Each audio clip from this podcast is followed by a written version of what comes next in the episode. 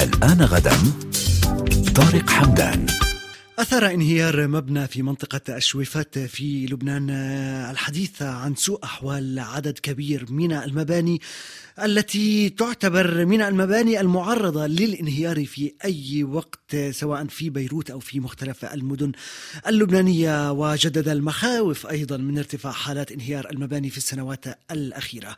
الهيئة اللبنانية للعقارات قال قالت إن حوالي 85% من الأبنية في لبنان مشيدة منذ أكثر من 80 سنة في منطقة تعرضت لحروب وتضررت أبنيتها بشكل كبير إضافة إلى أن أكثر من 16 ألف مبنى تعرضت لأضرار كبيرة بسبب انفجار بيروت.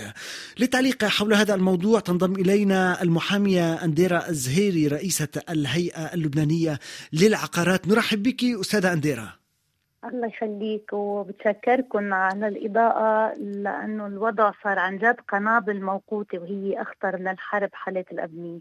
وصفتم وبال... يعني وصفتم حالات الأبنية بالقنابل الموقوتة. ما هي الأسباب التي يعني أدت إلى ارتفاع حالات انهيار المباني في السنوات الأخيرة أندير الزهيري هلأ نحن عنا بدنا نفرق بين الأبنية المشيدة قبل 2005 والأبنية المشيدة بعد ال 2005 لأنه بعد ال 2005 مفترض الأبنية صارت تنبنى وفقا للمعايير السلامة العامة الدولية.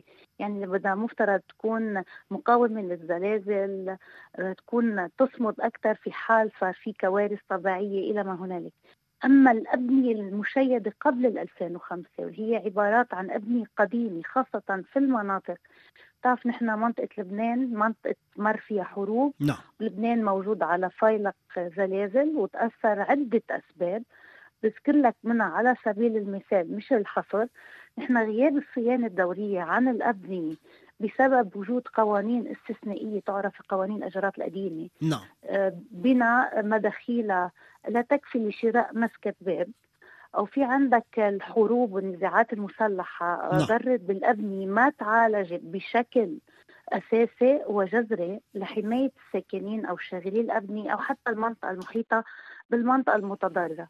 ناهيك على غياب دور الأساسي للدولة والبلديات بالقيام بإجراء مسح جدي وفعلي لرصد هذه الأضرار اللي بين الأكثر خطورة لهالأبنية إلى الأقل خطورة نعم. ودليل على ذلك بعد كارثة انفجار المرفأ بأربعة آب تبين عنا هول الكارثة اللي فضحت المستور وتفضلت حضرتك إحنا حكينا عن 16 ألف مبنى على جميع الأراضي اللبنانية وتضاعفت ليش؟ نعم. انفجار المرفأ آه وقت انعمل مسح جزئي من خلال قيادة الجيش بالتعاون مع نقابتي المهندسين في بيروت والشمال بين عنا فوق ال 85 ألف وحدة و744 وحدة متضررة. شملت مدارس أبنية سكنية مؤسسات وشركات ومستشفيات يعني ومراكز خيرية وإلى ما هنالك. أما بطرابلس كان العدد اللي هو 4000 حسب حسب بلدية طرابلس. نعم. آه بس بعد زلزال طرق سوريا وتركيا أثرت على الأبنية القديمة اللي هي كمان في أبنية تراثية ما ننسى آه تم إهمالها وتضاعف وضعها بشكل صارخ وبعد الزلزال صرنا عم نتأثر فيها نعم طيب إنه يعني نعم. أنديرا زهيري هل هناك قوانين تجبر المالكين على صيانة أبنيتهم ما هو الدور نعم. الذي تقوم به السلطات؟ للأسف نحن بالقانون حتى بالقوانين المتعارف عليها دوليا سواء بالقوانين المدنية وقوانين البناء أو حتى الجزا المالك مسؤول عن حراسة الجوامد no. بس نحن عم نصطدم بأبنية في عنا قوة قاهرة ظرف خارجي عن المالك أو المقاول أو في في حال الأبنية الجديدة بغياب الرقابة الفعلية للدولة والمؤسسات no. الرخص العشوائية آه غير مدروسة استنادا للمحسوبيات تم إنشاء بعض الأبنية لا تتمتع بالمواصفات الواجب اتباعها وفقا لمعايير السلامة العامة. ناهيك عن تغير المناخي اللي صاير لا يخفى على أحد. اللي كانت مواد البناء المستخدمة تتحمل درجة حرارة معينة أو آه خلينا نقول صيانة الريجارات الدولة أو المصارف اللي عم تتسرب الرطوبة والمياه على الأبنية عم بتفائم من هالمشاكل طيب.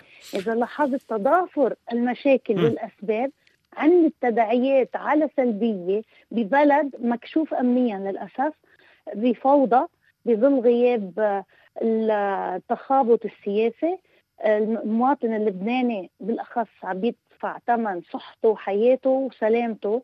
وللاسف هذا الخطر عم يمتد لأنه الوقت عامل الوقت صار ضد هذه الأبنية.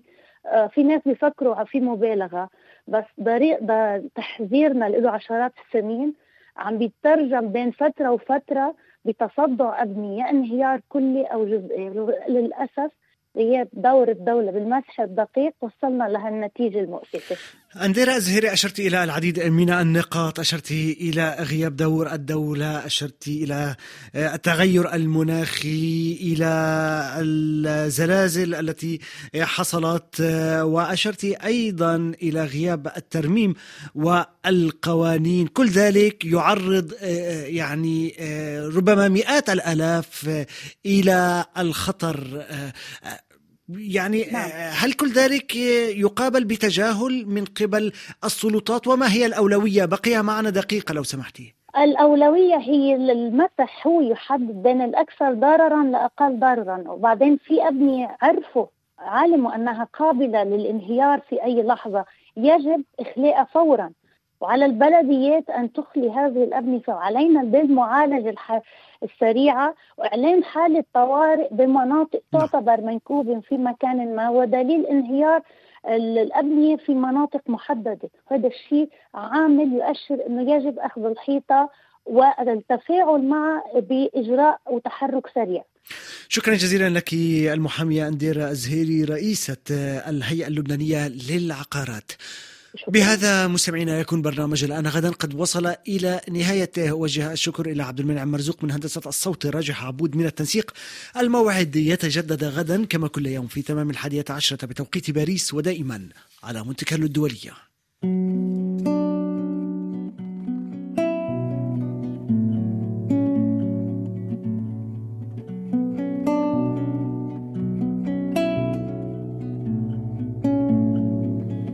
شبابيك بيروت عم توعى محلى وبيوت فوق بيوت شو ما عملت برحلة عايشين فيها سوا. كل مين عشباكو معنا كل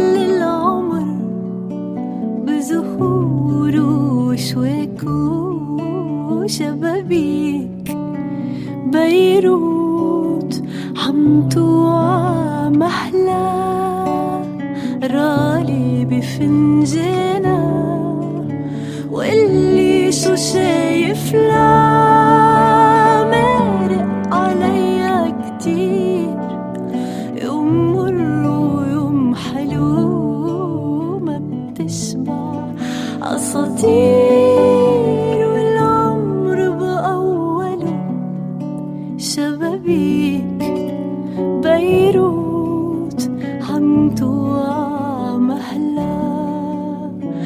قصصنا منشورة أحبال ومنسي لوحات ملونة أسطوح المدين شبابيك بيروت عم توعى عمحلى وبيوت. فوق بيوت ما